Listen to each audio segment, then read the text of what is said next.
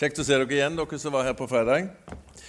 Roy Varberg heter jeg. Jeg er født i Skudenes, men har vært en god del her på Sævland, selvfølgelig. Bestefaren min var jo Kristian Breifjord rett over her på andre sida. Og eh, det huset rett over her, det har jeg jo bodd i ganske mye. For når faren min var på sjøen, så reiste mor mi ofte hjem til mammaen og pappen, og så da ble jeg her. Så jeg har vært faktisk ganske mye på gamle Josheim når jeg var sånn som dere. Da var jeg her. Men det er så lenge siden at eh, jeg husker det nesten ikke. Eh, så var jeg her på fredag. Sist jeg var her og faktisk hadde en tale med lysbilder fra Grønland, det var i 1987. Så det begynner å bli noen år siden. Så da hadde jeg altså da hadde vi hatt vår første periode der ute, meg og Anne, som sitter der nede, kona mi. Vi har tre barn og fire barnebarn. Vi har bodd på Sotra nå i eh, 30 år, faktisk, i august. vi har bodd lenger der enn vi har bodd i Skunes og Haugesund, som hun er da fra.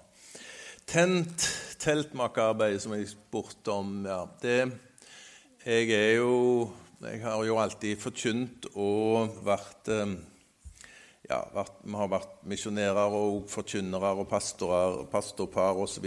i en del år. og ungdomsarbeidere og drevet etablert både forskjellig arbeid rundt omkring. Og der vi har bodd, har vi etablert, eh, etablert vi jo eh, barnearbeid og hadde det i 16-17 år, kanskje, kor og barnearbeid. Og vi var med og bygde alle aktivitetshus for å ha det barnearbeidet i. Og vi har hatt alfakurser der vi har bodd, og vi har ja, husgrupper nå i snart 30 år, husmenighet, som vi har prøvd og hatt skal vi si, et evangeliserende arbeid utenom kirka hvor vi går i, som hører til Bergen, da, Fløenkirken i Bergen, som vi hører til og har hørt til hele tida. Så, så um, vi har alltid hatt en utadgående virksomhet ut ifra hjemmet vårt og der vi har bodd, uansett hvor vi har bodd. Eh, Tentmakerarbeidet det er eh, samme som Paulus, altså at vi fører oss sjøl så jeg tar ingenting for å forkynne. Det har jeg aldri gjort, og, og skal ikke gjøre heller. Det, det, men jeg har ikke lyst bare å ta og forkynne gratis heller, for da spør de meg kanskje for det at det er billig. Men jeg har lyst til at skal, dere skal gi en gave da, til Tent International, som jeg sitter i styret i ennå. Har vært med helt, egentlig mer on-off helt siden dette ble starta rundt år 2000 som en organisasjon. I Norge så har det utbredt seg nå til ganske mange land. Vi driver kurs i, ja, i Nigeria, i Mali, Sør-Afrika, Brasil, India, eh, eh, i eh, Liberia, ja, Tyskland og selvfølgelig Norge, som det starta i. Så neste kurs i Norge er i, i mai, slutten av mai.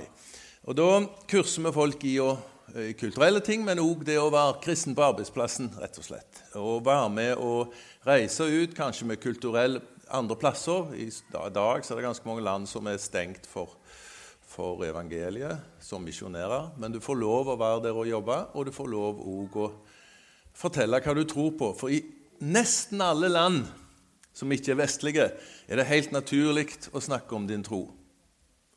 Altså du, du, du sitter på, på, i parken, og folk spør deg omtrent hva du tror på. Så det, det, er, det, er, vi som er uvant med å fortelle hva vi tror på. Så vi kurser folk i det rundt omkring, og, og, og har eh, Bare uti herfra så er vi rundt 40 som er ute i mange land som, som eh, Og det er Ja, så vi sponser òg en del kursing i de landene som har litt mindre råd. Så det er det dere har gitt penger til nå. Um, jeg har jo fått et budskap her fra dere, da. Et fellesskap med Gud, fellesskap eh, med Jesus. Så, så jeg snakket jo om det òg på, på, fredag.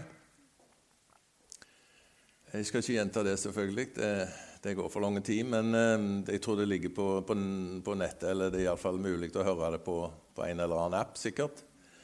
Um, og I dag skal jeg um, snakke om dette med fellesskap med Gud ut ifra eh, Kolosserbrevet, eller brevet til Kolossé, som, eh, som, jeg har sagt litt om der. Det, det, grunnen til at jeg har tatt opp når, når vi skal snakke om fellesskap så med Gud, så er det jo et så enormt tema. Kunne, jeg visste nesten ikke hvor jeg skulle begrense meg når jeg ble om det. Eh, men det er allikevel ekstremt viktig, eh, fordi uten et, et tett fellesskap med Gud, som vi snakket om på fredag, så, så, så mister du trosforsvaret ditt, så blir du et lett bytte, rett og slett. Sant? Du må ha et tett forhold til Gud, og det er der synd blir avslørt, det er der tilgivelse blir tilbudt, det er der vi får oppleve Guds nåde og rettferdighet. Og òg dette med at Gud blir stor, og vi blir små. Og det er noe av poenget hvis vi skal klare oss i denne verden. Og så ser vi i brevet til Colosseum der er det ganske betydelige hva skal vi si, Ikke krav, men hvis du ser hva han ber for, så er det en utfordring for å tenke åh, oh, går det an å oppnå noe sånt? Og da har jeg lyst til å si litt om um, hvordan vi kan få lov å hvile i det nærværet vi har med Gud i dag, siden det, siden det bare er disse to møtene jeg skal ha. Så blir det brevet i Colosseum i dag. La oss starte med først, ta neste post der. Brevet til Colosseum oppfattes kanskje ikke sånt i utgangspunktet, men det er et kampskrift tilsvarende Galaterbrevet.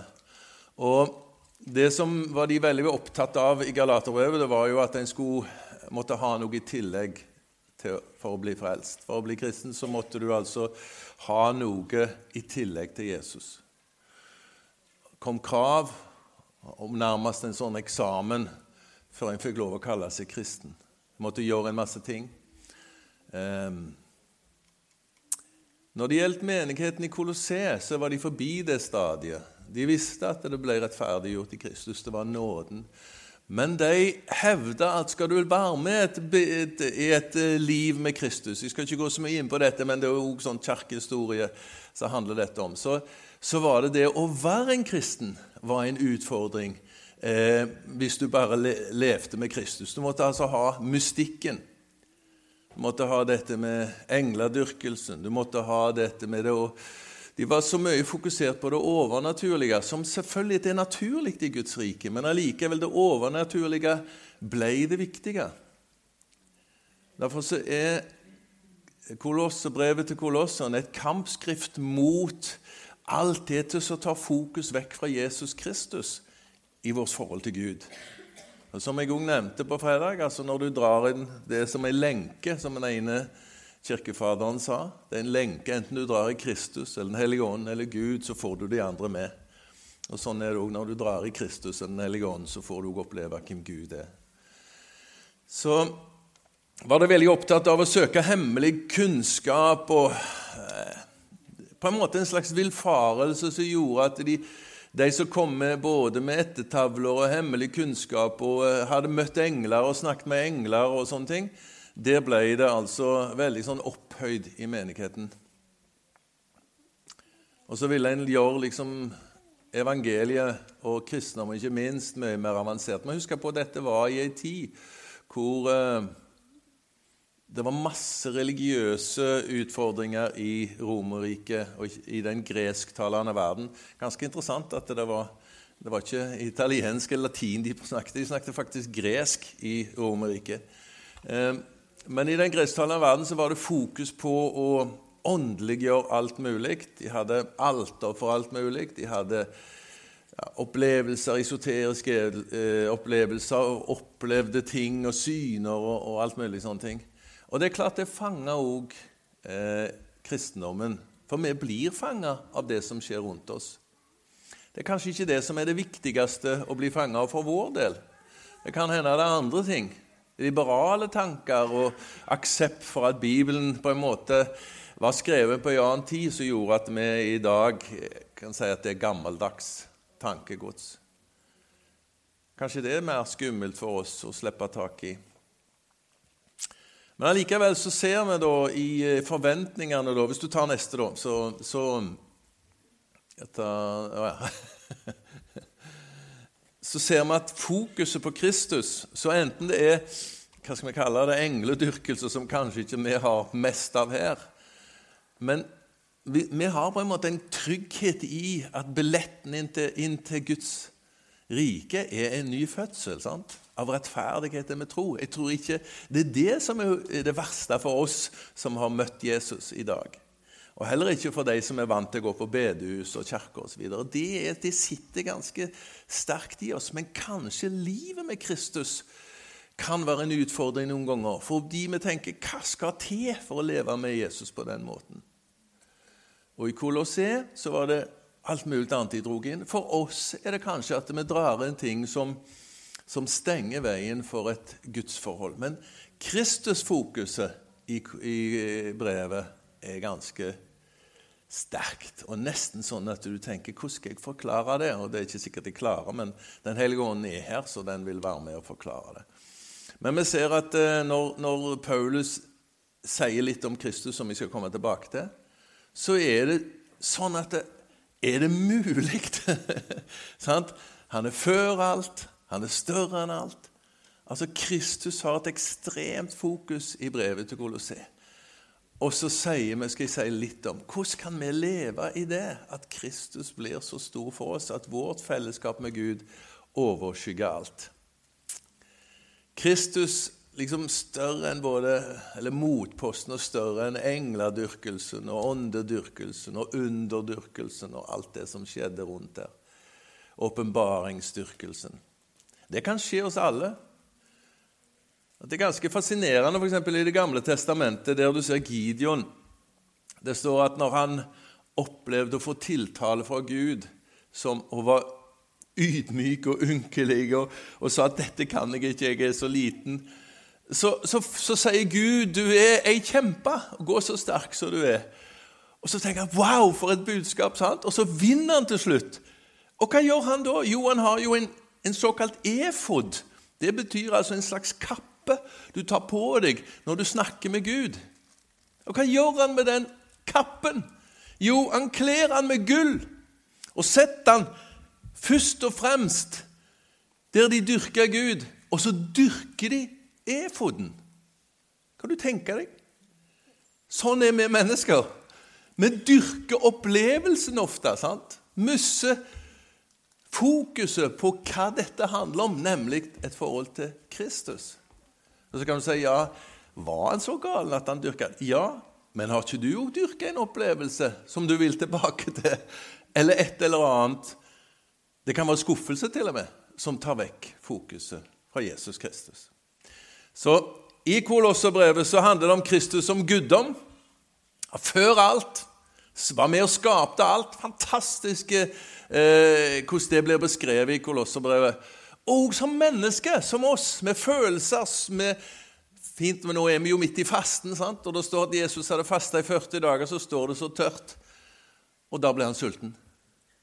Ganske fascinerende. Jeg vet ikke hvem andre som hadde Og det ble vi òg hvis vi hadde fasta i 40 dager.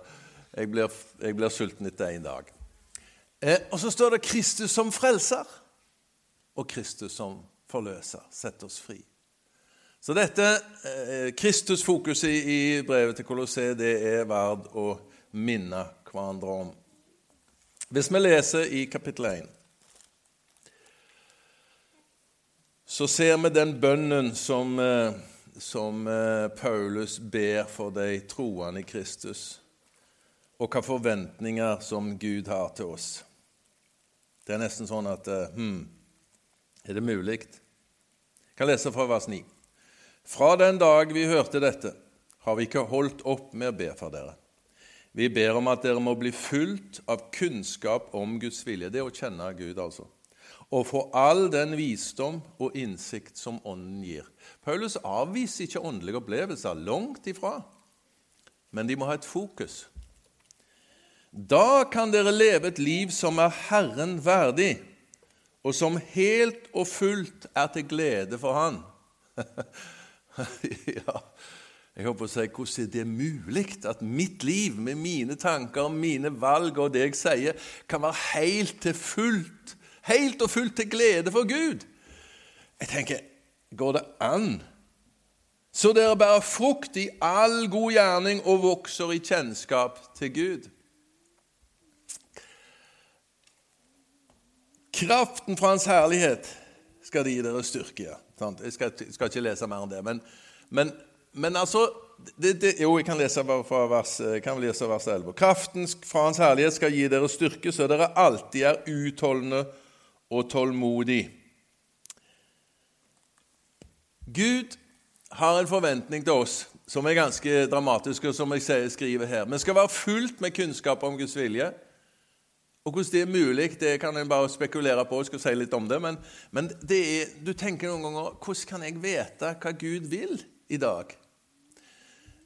For all åndelig visdom, har den innsikt som Ånden gir, at vi lever et liv som er Herren verdig, og at vi helt og fullt er til glede for Gud, og at vi bærer frukt, at troen vår viser i gjerning, at utholdenhet og tålmodighet gjennom styrke som Gud har gitt oss, og i stand til å få del i det helliges arv i lyset. Det er det Guds forventning er til oss.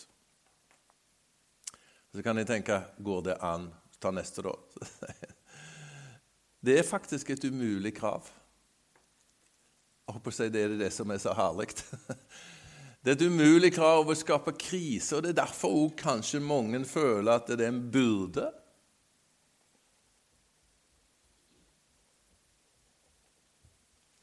Noen av de som har blitt frelst gjennom vårt arbeid opp gjennom tida, har og noen ganger sagt det at det er så tungt å legge av seg alt.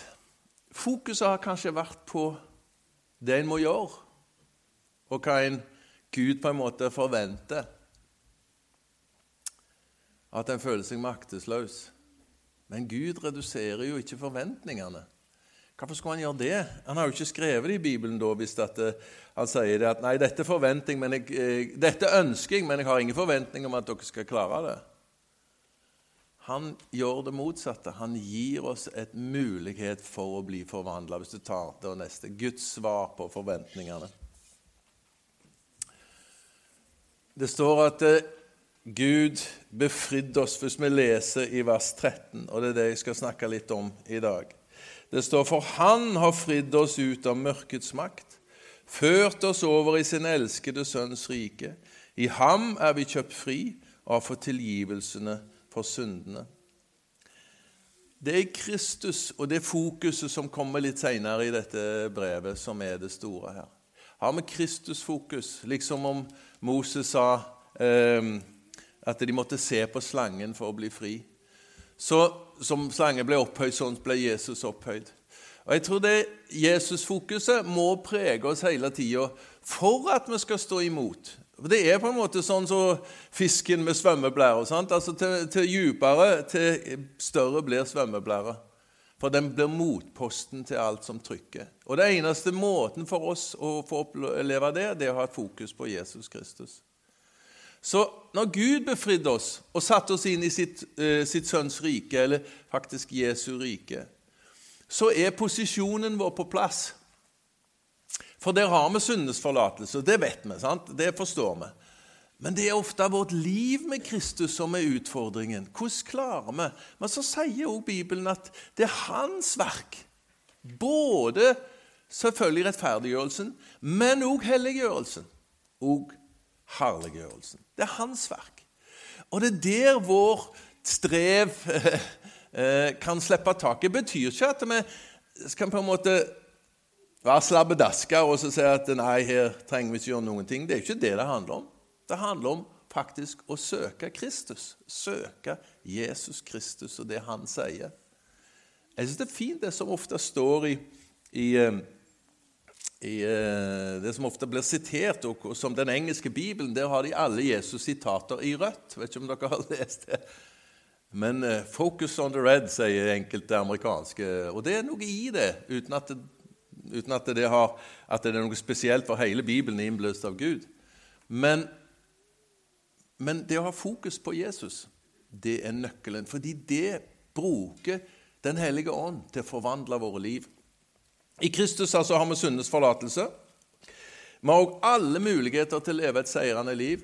Det betyr at du alltid sier nei, nei, nei, Gud vet vi er støv, og Gud vet at det er utfordringene våre. Det er ikke det som er poenget, men Gud gir oss eh, mulighet til å kjenne Han på en sånn måte at livet vårt blir forvandla, at vi ser i det speilet vi snakket om. Og dette med Abraham og Sara. Sant? De fikk en eksamen som var helt annerledes enn det livet som ble beskrevet i Bibelen. Men sluttsummen deres var at de tvilte ikke. Og sånn er det med oss. Hvis vi søker Kristus, så blir sluttsummen vår at vi tvilte ikke, og at vi ble forvandla. Det er så godt å ta med seg. Vi er altså skjult i Kristus, hvis du tar vers 15. I vers 15-20 kan vi lese. Han, og dette er jo dette kristologien som vi snakket om. Hør den teksten her. Han er den usynlige Guds bilde, den førstefødte før alt skapt. Det er altså han er guddommen. Sant? For i ham er alt blitt skapt, i himmel og på jorden, det synlige og det usynlige, troner, herskere, makter og åndskrefter. Alt er skapt ved ham og til ham. Noen ganger så mister vi av og til motet av at politikken bestemmer. At maktsyke mennesker bestemmer og ødelegger her på jord. Gud har ennå ikke tatt makta på jorda fordi det er nådens tid. Det betyr at politikere og despoter og mennesker kan gjøre andre vondt så lenge det er nådens tid. For mennesker har fritt valg. Men du har òg fritt valg til å velge Jesus til å søke Han. Vi har alle fritt valg. Men tenk han, hvem har vi valgt å følge? Jo, han som er altså overalt. En dag kommer han igjen. En dag tar han tilbake makta. En dag så setter han alt i rett skikk. Og Det er noen ganger frustrerende for oss. Òg når vi ser krigen som vi snakket om, eller sånt, som, som er årsaken til at noen er her, så fra Ukraina selvfølgelig, men òg alle andre ting. Det kan være voldtekter, det kan være drap, det kan være elendighet som skjer rundt omkring i verden. Og du er frustrert fordi det skjer. Kanskje til og med vi har bedt om beskyttelse. Men så lenge mennesket har fri vilje, og Gud har gitt mennesket fri vilje, så griper han ikke inn. Men selvfølgelig skal vi be om det, og vi har lov å forvente at på en måte som Hvis du tenker på bønn, så er det som at Den hellige ånd er akkurat som sola. Og så når med bønn så er det som et sånn forstørrelsesglass. og Konsentrer deg, og så får du starte en brann der. Og Det kan vi få lov å være med på. Ha fokus på bønn. Men husk, mennesker har fri vilje til å velge onde gjerninger og gode gjerninger. Så lenge det er nådens tid. Og denne verden ligger det onde. Det er ganske frustrerende, fordi når Adam og Eva opplevde at, eh, at, de fikk nøklene til verden, så ga de jo det til djevelen med at de solgte det. Sånn at ennå så ligger verden i det onde. Men vi kan få lov altså å ha et forhold til den som har skapt alt. Den som har suveren allmakt. Og det står at den som søker han, den kan ingen rive Eh, ut av hans hånd. Vi er altså totalt beskytta i vårt indre liv. Jeg er jo med i, i Åpne dører og sitter i, i styret der og, og, opplever jo å ha kontakt med ting som ikke blir på en måte sagt utad, med kristne som opplever forferdelige ting sant? fordi de tror på Jesus. Og Noen ganger så tenker du Hvor er du, Gud? Det som er så fascinerende, det er at deres fokus på Jesus er ikke mindre. Jeg har en, har en venn en, som leder Nigeria-kontoret. Han har vært også hjemme hos oss på Sotra. Og det er klart at det er, det er valg nå, så du gjerne be for at det blir en kristen president og ikke en muslimsk president som det er nå. Han gjør ingenting, absolutt ingenting, for å stoppe forfølgelsen av kristne. Det brennes ei kirke i uka. Det ble drept mer enn ti i uka for sin tro i Nigeria. Det er det verste landet når det gjelder drap. Nord-Korea og flere andre er verre når det gjelder forfølgelse, men Nigeria er det flest kristne som blir drept for sin tro. Og Når vi har møtt noen av dem, så er det nesten ikke til å tro hva Jesus-fokus de har. Det er ingen anklage for manglende bønnesvar. Vi bare ber om at de som overgriper, og de som ødelegger, skal bli frelst. For meg er det nesten uforståelig. Og Jeg kan nesten ikke sette meg inn i deres holdninger. Men poenget er at de har møtt Jesus, og de vet at deres liv handler om evigheten. Deres liv handler om, ikke om bare hva jeg kan oppnå i dag, men det handler om at mitt liv er berga for alltid, uansett hva som skjer. Det som også er fascinerende, er at den største eh, avdelingen i Tent er i Nigeria. Der utdanner vi mest folk til å reise nord i Nigeria, i de folkeslagene der, for å vitne. Og alle gjør det med fare for sitt liv. De vet at de tilhører en som, som, som, bevarer deres sjel for evigheten. Ingen kan rive dem ut av hans hånd. Han var før alt, og i ham blir alt holdt sammen. Han er hodet for kroppen, som er kirken. Han er opphavet, det førstefødte fra de døde så han i ett og alt kan være den fremste. For i ham ville Gud la hele sin fylde ta bolig, og i ham ville Gud forsone alt med seg selv, det som er på jorden, og det som er i himmelen, da han skapte fred. Vi får lov altså å oppleve at Guds fylde kan bli en del av uh, oss. Så hva er vår oppgave her? For når du ser dette, så tenker du wow, dette har Gud forberedt for oss. Denne muligheten av Gud. Ja, hva er vårt valg? Hva skal vi gjøre for å oppleve at uh, vi kan lov å bli forvandla og oppleve hele Guds fylde? Vi kan lese i vers 22 i utgangspunktet. Der står det men nå forson, han, men nå har Han forsonet dere med seg, da Kristus led døden i sin kropp av kjøtt og blod. Hellige dere, uten feil og angripelige, vil Han føre dere framfor seg. Dere må bare bli stående i troen, grunnfestet og stødige, uten å la dere rive bort fra håpet som evangeliet gir. Vårt valg er altså å bli i troen og ha fokus på Kristus Jesus. Og troen er et valg, og det valget er det vi skal ta. Det er ikke valget å forbedre seg, eller valget å selvfølgelig eh, ikke misforstå, men det, det, er ikke valget å liksom gå opp til en eksamen, men det er valget å bli stående i troen på at Kristus Jesus kan forandre meg. Og for det Når vi ser som vi leste opp på fredag, når vi ser i det i Bibelen, så blir vi forvandla til det vi ser. Det er jo det som er så fantastisk. Selvfølgelig oppnår vi ikke alt før vi kommer hjem, men det går an å kjenne at Gud faktisk jobber med oss underveis, og at vi kan bli stående eh, i troen, være grunnfestige, stå fast på ordet. Og så står det òg i brevbrevet at eh, hold fast på håpet. Sant? Urokkelig fast på håpet. Av og til så har vi ingen følelser for tro, men hold urokkelig fast på håpet.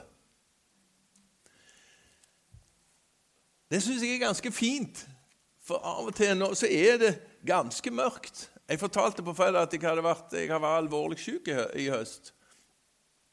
Og jeg, eh, jeg, eh, jeg, var jo ikke sikker på om jeg, eh, jeg overlevde. Var, var, det var bare svart hull, og jeg lå oppe på intensiven i i 25 dager der, og jeg lå et par måneder på, på Haukeland. Eh, og, og, da var både smerter og sykdom så, så, enormt at jeg selvfølgelig ropte til Gud om helbredelse. Jeg ropte til Gud om smertelindring, jeg ropte til Gud om hjelp. så, og så eh, opplevde jeg ingenting. sant? Ingen lindring, ingen endring, ingenting. Men som jeg også sa på fredag, troen min ble styrka fordi på en måte så ble Gud så stor. Det jeg holdt på med, det forsvant. Mine ambisjoner og mine meritter og alt det vi har opplevd, det hadde ingen betydning. Det som hadde betydning, det var at jeg hadde Jesus i hjertet. Og uansett om jeg levde eller døde, så var jeg hans. Og jeg tilhørte han. Og jeg kom hjem. Jeg hadde kommet hjem.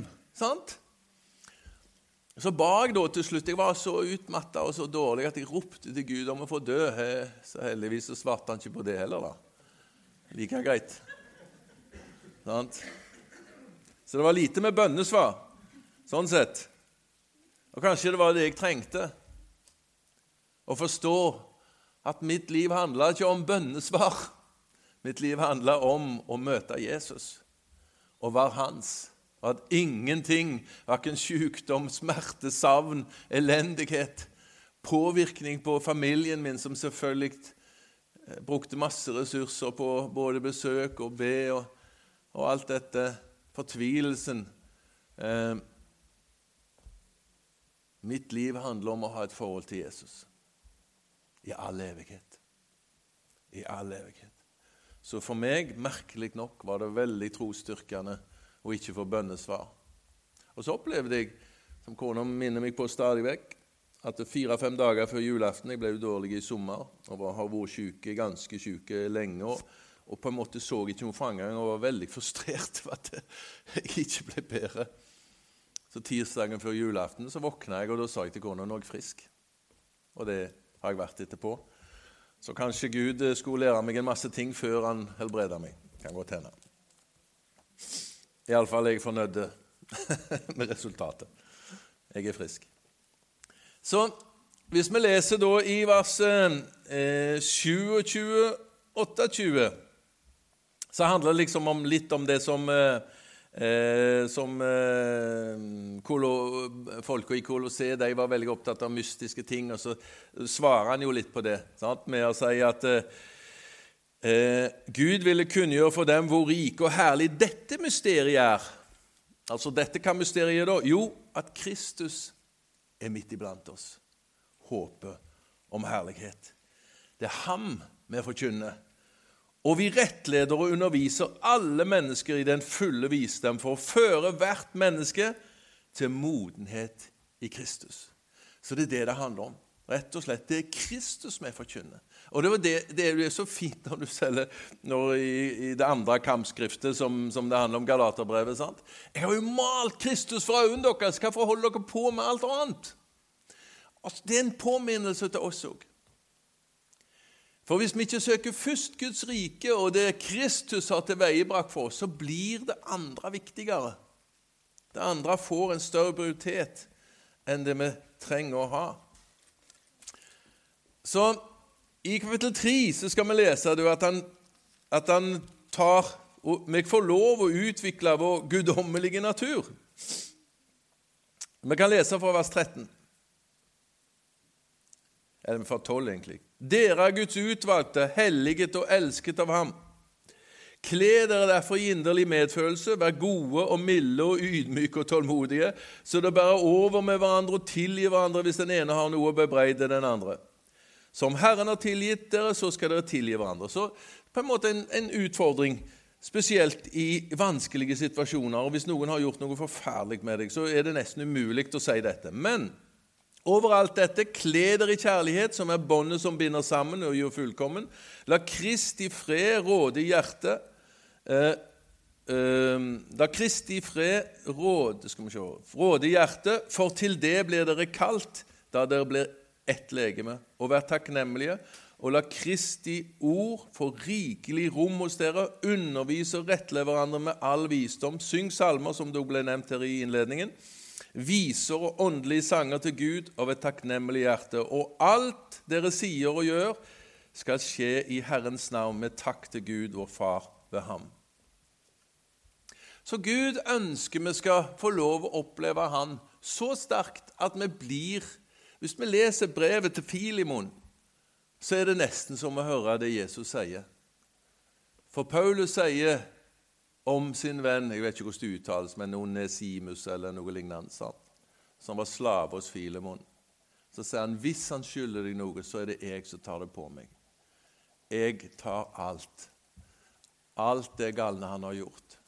Så Paulus var blitt så forvandla, og vi ser også senere i mange av brevene til Paulus denne harde, kanskje rettferdige, hva skal vi kalle det, egenrettferdige Paulus hadde opplevd møtet med Jesus så livsforvandlende at han tok på seg skylda for andre, han som så var så egenrettferdig. Og det kunne ikke Paulus klare sjøl. Det var umulig. Men han opplevde at Gud, eller Jesus, var så nær han og forma han, sånn at det gikk an. Og så tar det tid med ting. Og Gud er raus og tålmodig med oss. Jeg håper å si bare se på Sara og Abraham. Det, det gikk Ja, det gikk enormt lenge. Og Moses. Han var 80 år før han fikk lov å komme ut i tjeneste. Det hadde vært en utfordring for noen av oss enhver, det, hvis vi måtte ha så lang formidlingstid til Guds kan vi si, forstå Guds hjerte. For det er Guds fred som skal bestemme oss i hjertet. Går det an? Jeg har et sitat til slutt. Jeg skal, jeg skal avslutte nå. Det er Linderius som har, Rolf Linderius som har sagt dette, og jeg syns det er så fint det han sier. Hvis du tar det neste verset der. Er det ikke ett et til? Var det slutt, det? Sorry. Da, jeg trodde jeg hadde lagt det inn i dag. Men det han sier, altså at eh, det er menneskets storhet at det kan forandre seg. Og det er Guds storhet at han er uforanderlig. Tenk litt på det. Det er menneskets storhet at vi faktisk kan forandre oss. Vi kan oppleve å bli Gud og få Guds perspektiv i vårt liv. Vi kan oppleve at ting skjer med oss.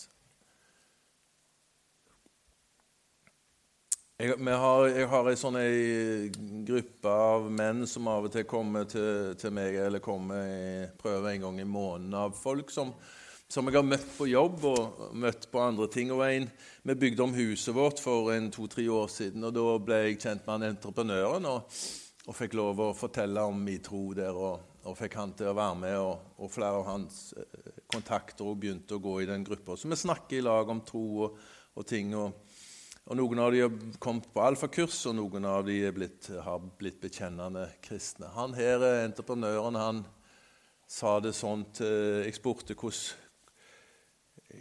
Han sa det er så deilig å møte Jesus. Så han var helt fremmed. Altså, han er snart 60 år, eller noen og 50 år. og hadde, hadde ikke gått på gudstjeneste siden han var konfirmert. Aldri, Ikke engang en begravelse. Og Da er det fascinerende at uh, du får en lengsel etter, Gud, og du får lov å formidle evangeliet der. Så vi prata masse når de bygde om huset, selvfølgelig. Og, uh, og han inviterte oss hjem, meg og kona, og til han og kona, men først han spør om det eh, om troen.